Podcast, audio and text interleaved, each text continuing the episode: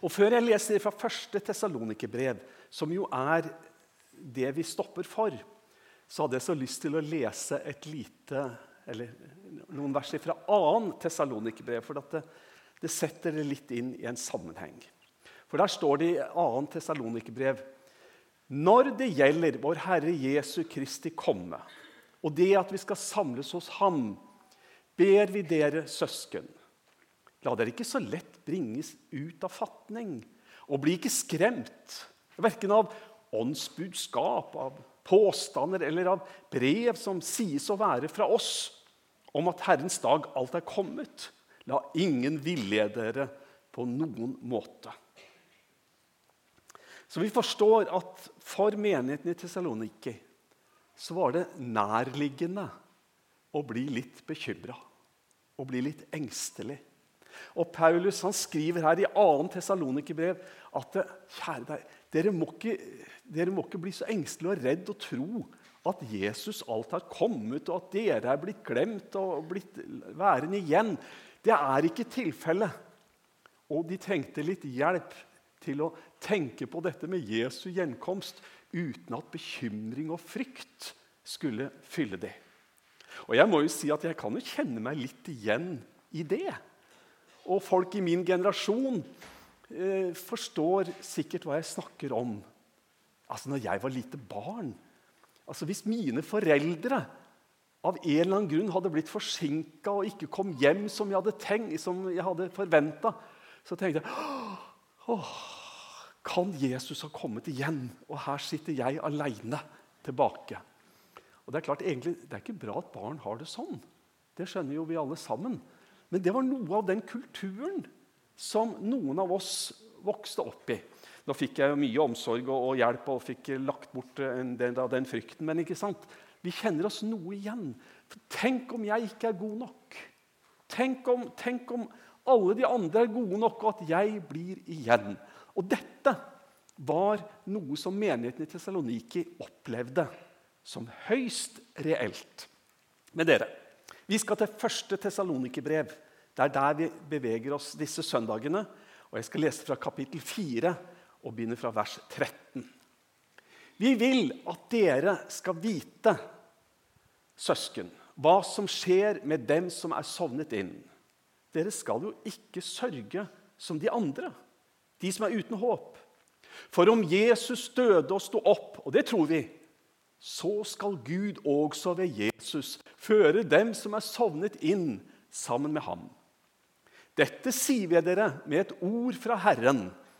Vi som fremdeles lever og blir igjen her helt til Herren kommer, skal slett ikke komme før dem som er sovnet inn. For når befalingen lyder, når erkeengelen roper og Guds basun høres, da skal Herren selv stige ned fra himmelen, og de døde i Kristus skal stå opp først. Deretter skal vi som er igjen og ennå lever, bli rykket bort sammen med dem i skyene for å møte Herren i luften. Og så skal vi være sammen med Herren for all tid. Trøst, sett mot i hverandre med disse ordene. Amen. Mildt sagt dette er jo interessante vers. Dette er jo spennende å lese dette her og, og liksom bare fornemme når Paulus taler til oss om det som er på den andre sida. Jeg snakka med en mann en gang. Han tvilte nok nokså mye.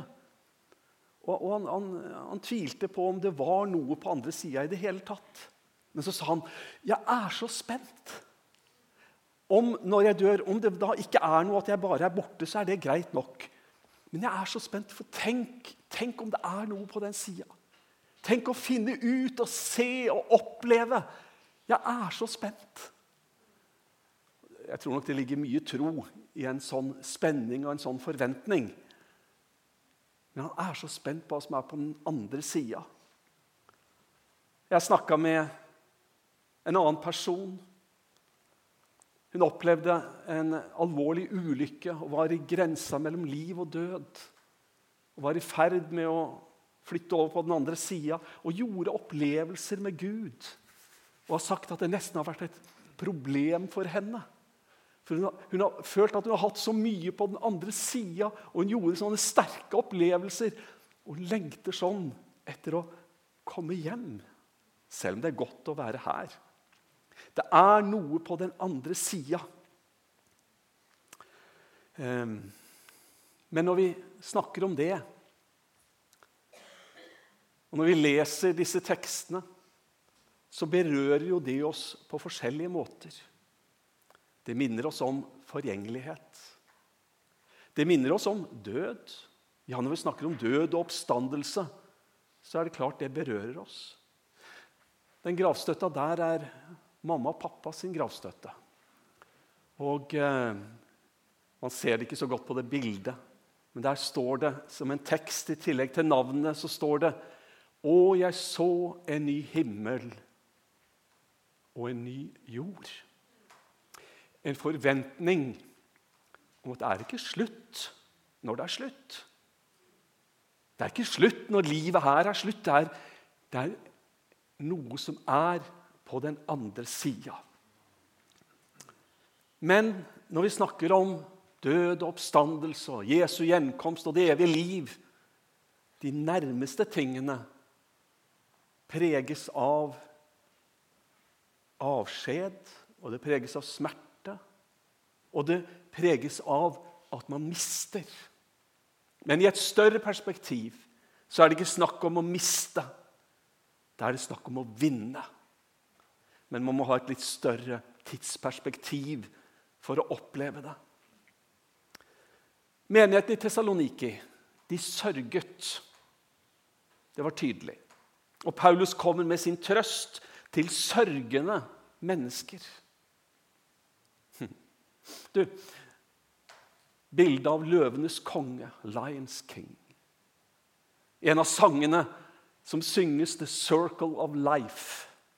Om hvordan på en måte livsløpet sirkulerer. Det sirkulerer og sirkulerer, og døden er så naturlig, og døden er en venn. Slik beskrives det nærmest. Og det er både sant og veldig usant. Døden er ikke bare en venn, og døden er ikke bare naturlig. Det er naturlig for oss i den tidshusholdning eller i den tidsepoke som vi lever. Men døden er ikke bare en venn. Bibelen omtaler ikke døden bare som en venn. Når Bibelen taler om det, så sier Bibelen den siste fienden som blir tilintetgjort, er døden. Døden er ikke bare en venn. Døden er en fiende. Men det er ikke bare en fiende. Det er en beseira fiende. Og døden skal en gang tilintetgjøres. Den skal ikke vare evig. Den skal ikke komme med sin kalde hånd til alle tider. Det er for en tid da skaperer, skapningen og skaperverket er lagt under forgjengelighet. At dødskreftene får bestemme. Men en dag så skal det ikke være sånn lenger. Det er da det skal bli naturlig. Da livet skal leves. Vi kan si til døden, som har så stor makt, så kan vi på en måte si at død, hvor er din brodd? Død, hvor er din seier? Og det er det Paulus formidler til menigheten der i Tessaloniki når de sørger. Så sier han, 'Dere skal ikke sørge som de som er uten håp.' De får lov til å sørge. Du får lov til å sørge.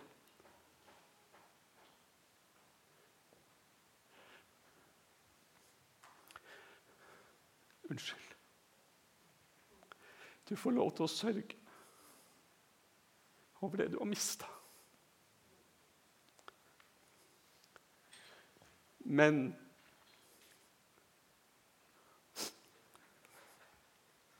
Bibelen taler om at vi ikke skal sørge som de som ikke har håp. For det er noe helt annet. Det er en helt annen dimensjon. Vi har lov til å synge, og vi har lov til å rope ut. Et liv jeg nå eier som aldri kan dø. Du, en poet, en kjent poet, han heter George Herbert. Han skriver i et av sine dikt så skriver han Death used to be execution. But the gospel has made him just a gardener. Det han formidler, er at døden var som en bøddel. Men evangeliet har gjort døden til en gartner. Og i det så utlegges diktet George Herbert han levde på mellom 1593 og, 16, 1593 og 1633. Så utlegges diktet at det som så oss i forgjengelighet, det vokser opp i kraft og styrke og med liv. Og døden blir som en gartner som er med på å bygge broa fra det forgjengelige inn i det uforgjengelige. Et frø som vokser, som har en oppstandelseskraft i seg. Dere får lov til å sørge, men ikke som de som er uten håp. Jesus, han sørga. Vi forstår det vel ikke fullt ut. Og det kan være mange ting som rørte seg i Jesus sinn og i Jesu hjerte. Men han fikk beskjeden om at din venn Lasarus er syk. Og han kommer til Betania, og han får beskjed om at din venn Lasarus er død.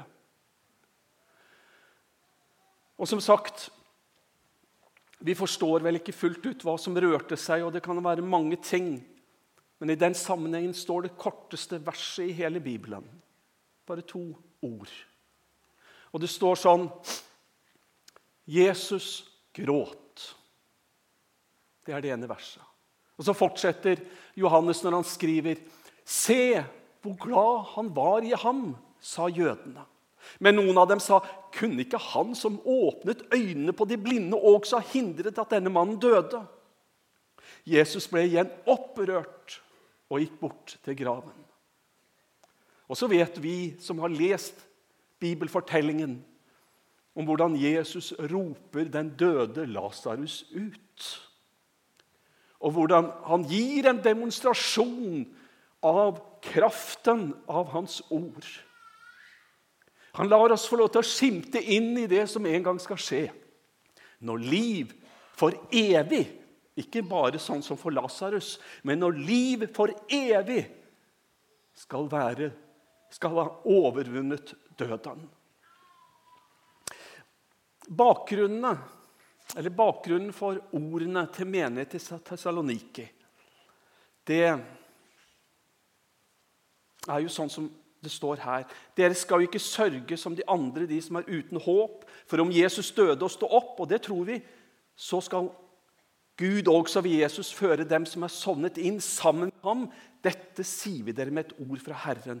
Altså, Bakgrunnen for at ikke de trenger å sørge som de som ikke har håp, det er jo knytta til troen på Jesu oppstandelse.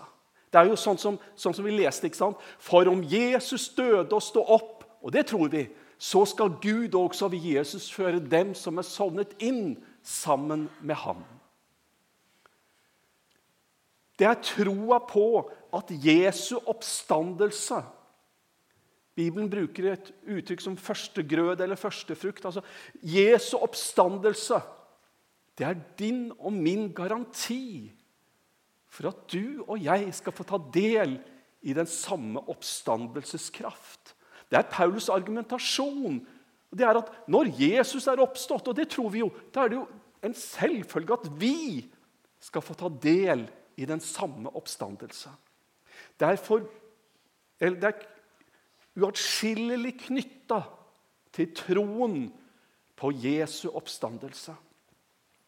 Jeg skal sitere deg, for deg et lite utdrag fra den apostoliske trosbekjennelse. Der sier vi, pint under Pontius Pilatus, korsfestet, død og begravet, for ned til dødsriket, sto opp fra de døde tredje dag. Og dere, dette tror vi. Dette tror vi på. Han er oppstandelsen og livet. Du vet, Vi kan justere ting som vi tror på. Det gjør vi jo av og til. Da jeg var liten, så kunne jeg ikke sparke fotball på søndager, for det var å bryte Bibelen. Når jeg var på besøk hos besteforeldrene, gjaldt det. Så fant man ut at eh, man kunne sparke fotball allikevel. Også. Så har vi gjort noen forandringer på både hatter og på hår. Og, og jeg har gjort noen forandring på hvilken tjenester og oppgave en kvinne kan ha. Aud Sitter Aud her? Hæ? Er hun på sykehuset? Akkurat. Aud hun var første møtevert i tabernakelet som var kvinne. Og det var så mye fram og tilbake. Skal hun få lov til å være møtevert? Og Hun fortalte meg at det, det var en sånn gudstjeneste for henne å stå der. Men det var litt vondt at det var noen som begynte å gå den andre døra. For de ville ikke hilse på henne eller bli hilst på av henne fordi at eh, hun var kvinne. Og eh, vi har forandra oss litt. Vi har justert litt på det ene og på det andre. Men det er noen ting som ikke Som ikke vi kan forhandle om. Det er noe vi ikke kan justere. Det er noe som er essensielt. Dette er essensielt. Sto opp fra de døde tredje dag. Paulus han taler litt om disse tingene i 1. Korinterbrev kapittel 13, som jo er kjærlighetens kapittel. Og så skriver han der Nå ser vi som i et speil, i en gåte. Da skal vi se ansikt til ansikt. Nå forstår jeg stykkevis. Da skal jeg forstå fullt ut. Slik Gud kjenner meg fullt ut. Ja, dere, dette tror jeg på. Ja, Vi ser stykkevis. Noen ser det så klart, det ene, og så er det noen som ser akkurat det samme, men helt annerledes. Ja, Det er stykkevis og delt for de fleste av oss. Men en dag så skal vi forstå fullt ut, eller erkjenne, avhengig av hvilken bibeloversettelse du leser det i. Og vi skal selv bli kjent Eller vi skal forstå fullt slik Gud kjenner oss fullt ut. Han som vet alt om oss. Han som vet om alt. La meg sitere for deg fra 2. Korinterbrev, kapittel 5. For vi vet om at om det rives ned, dette teltet, som er vårt jordiske hus, så har vi i himmelen en bygning som er fra Gud et evig hus som ikke er gjort med hender. Mens vi er her, sukker og lengter vi etter å bli ikledd og omsluttet av vår himmelske bolig.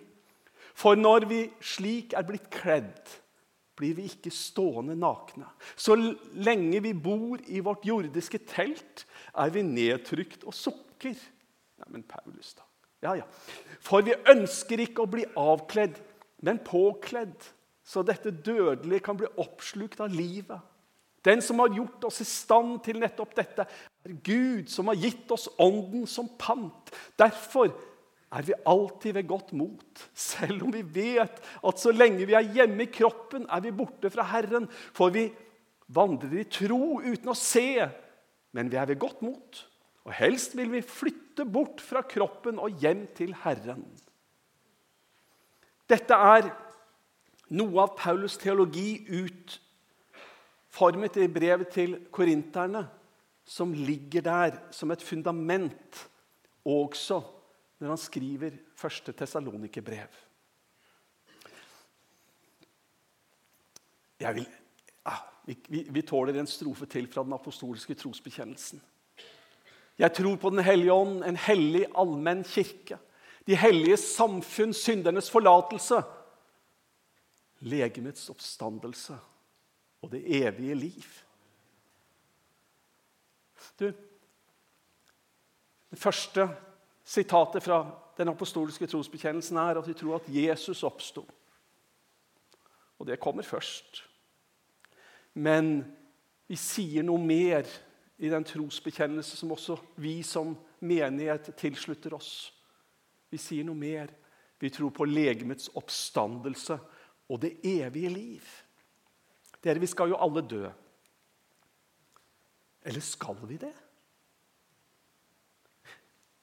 Jeg skal si dere en hemmelighet. Sånn uttrykker Paulus det. Skal du høre.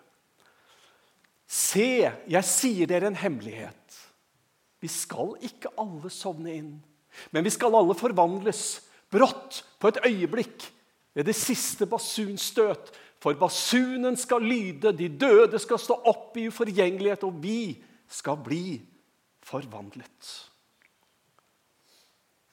Paulus han forklarer dette også for menigheten i Tessaloniki. I, i de versene som vi har lest litt tidligere. Vi møter uttrykk om bortrykkelse og opprykkelse. Personlig så tror jeg på en bortrykkelse i den forstand at vi frelses ut fra kommende prøvelser. Men jeg erkjenner at jeg er et mindretall.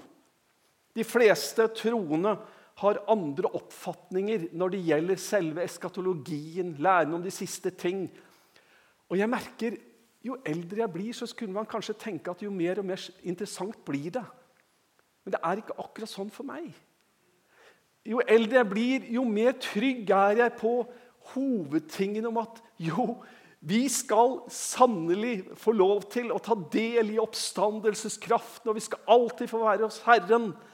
Men alle detaljene ifra, ifra forskjellige eskatologiske tekster som tolkes så vidt forskjellig av forskjellige teologer og skoler. Eh, det er interessant, det er spennende.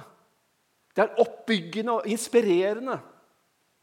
Men samtidig det grunnleggende for meg det er å tenke at om det blir i form av bortrykkelse og lammets bryllup i syv år eller tre og et halvt år, avhengig av hvordan du tolker enkelte bibler, eller om det blir som kanskje flere mener, at man rykkes opp og møter Jesus i luften, og så er nærmest som en, som, som en velkomstkomité som da blir med, og når han setter foten på, på jorda Om det er sånn eller sånn, vil ikke jeg bruke tid på i dag. Og det er uansett forskjellige tolkninger som man skal ha respekt for. Men du, det som Paulus skriver i Tessalonikerbrevet, det er til en menighet som er engstelig, som er bekymra, som lurer på har oppstandelsen skjedd, og vi har ikke fått del i det. Og Så kommer han med trøst, og så sier han, 'Trøst av hverandre med disse ord'. Du, Jesus kommer og himmel og jord skal møtes. Om det blir på det tidspunktet i en tidslinje, eller om det blir på det tidspunktet, det skal vi bruke mye tid på i vår egen bibelstudier og til oppbyggelse. Men det som er helt sikkert Han kommer, han som komme skal. Det som er helt sikkert, er at de døde i Kristus skal oppstå, og de skal få se ham som de satte sin lit til.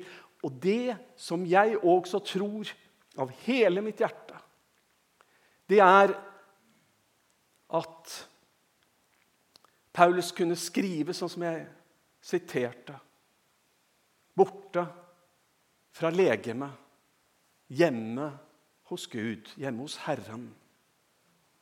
Vi kan forvente en forandring da vi ser ham som han er, når vi en gang, om Herren drøyer, skal gå fra dette livet inn i det andre, så er det Paulus sitt perspektiv.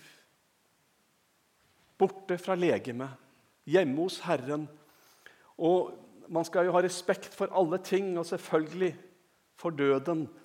Men det er nesten som at Paulus sier liksom, nei, nei, nei, nei, til døden når han sier, 'Hvor er din brodd?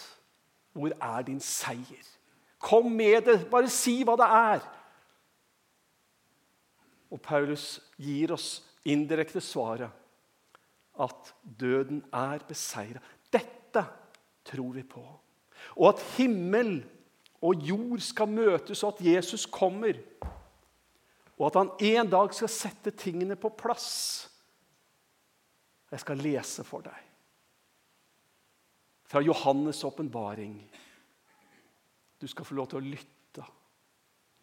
Du skal få lov til å ta imot Guds ord med takknemlighet og forventning. Hør. Og jeg så en ny himmel og en ny jord.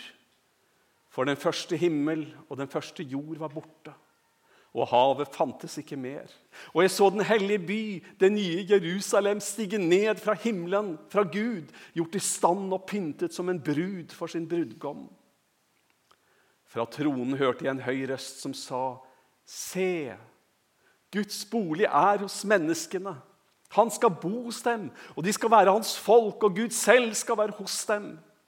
Han skal tørke bort hver tåre fra deres øyne, og døden skal ikke være mer. Heller ikke sorg eller skrik eller smerte. For det som før var, er borte. Noe tempel så jeg ikke i byen. For Gud, Herren, den allmektige, og lammet er dets tempel. Og byen trenger ikke lys fra sol eller måne, for Guds herlighet lyser over den, og lammet er dens lys. Folket skal vandre i lyset fra byen, og kongene på jorden skal føre sine rikdommer inn i den. Byens porter skal aldri stenges etter dagen, for der er ingen natt. Alt det dyrebare, alt det dyrebare og verdifulle folkene har, skal de føre inn i den. Om, men noe urett skal ikke komme inn, og ingen som farer med hedensk styggedom og løgn, men bare de som er skrevet, innskrevet i livets bok hos lammet. Engelen viste meg nå en elv med livets vann, klar som krystall. Den springer ut fra Guds og lammets trone. Midt mellom byens gater og elver står livets tre, fritt til begge sider. Den bærer frukt tolv ganger og gir sin frukt hver måned. Og bladene på treet er til legedom for folkene. Det skal ikke lenger finnes noe som er under forbannelse. Guds og lammets trone skal være i byen, og hans tjenere skal tjene ham. Og så vet vel jeg, kanskje like godt som deg, at sånne tekster gir oss mange spørsmål. Mye kunne vært tolka og utlagt, og det bør det vel. Men jeg hadde så lyst til å bare la det stå der som en beskrivelse av noe. Så skjønner vi at det er et poetspråk, og vi forstår at det, det har mange sider. Men det det beskriver, det er at det skal ikke være noe forbannelse lenger. Det det beskriver, er at syndens frukt og syndens konsekvens skal en dag opphøre. Den beskriver en evighetstilstand der vi får løfte blikket og tenke at jo, vi er i Guds hender, i liv. Og som David sier det Om vi enn skulle vandre i dødsskyggens dal, så frykter jeg ikke for ondt, for du er med meg. Din kjepp og din stav, den trøster meg. Vi får lov til å lese Paulus sine ord i 1. Tessalonikerbrev, når han avslutter de versene vi leste med 'Trøst av hverandre med disse ord'. Og det får vi ta til oss hver eneste en. Kjære Far i himmelen. Vi takker deg for at du har kommet til oss med frelse. Herre Jesus, takk for at døden ramma deg for at vi skulle leve, og at du er oppstandelsen og livet. Herre Jesus, takk for at ingen av oss trenger å la hjertet bli grepet av angst og bekymring. For vi er i dine allmektige hender. Ja, vi er i ditt evige, bankende hjerte. Herre Jesus, takk for hver eneste en som er her inne denne formiddagen. Og Jesus, vi tror på deg. Vi tror, tror at du er oppstandelsen og livet. Vi tror at du har begynt en god gjerning i oss, og at du er mektig til å fullføre den. Vi tror at vi en dag skal se deg som du er. Vi skal forstå alt sammen. Herre Jesus, gi oss den kraften vi trenger. Kom du med din styrke, og la oss leve hver dag både under din nåde og i tjeneste for deg. Du vår frelser, du vår Gud, du vår venn. Amen.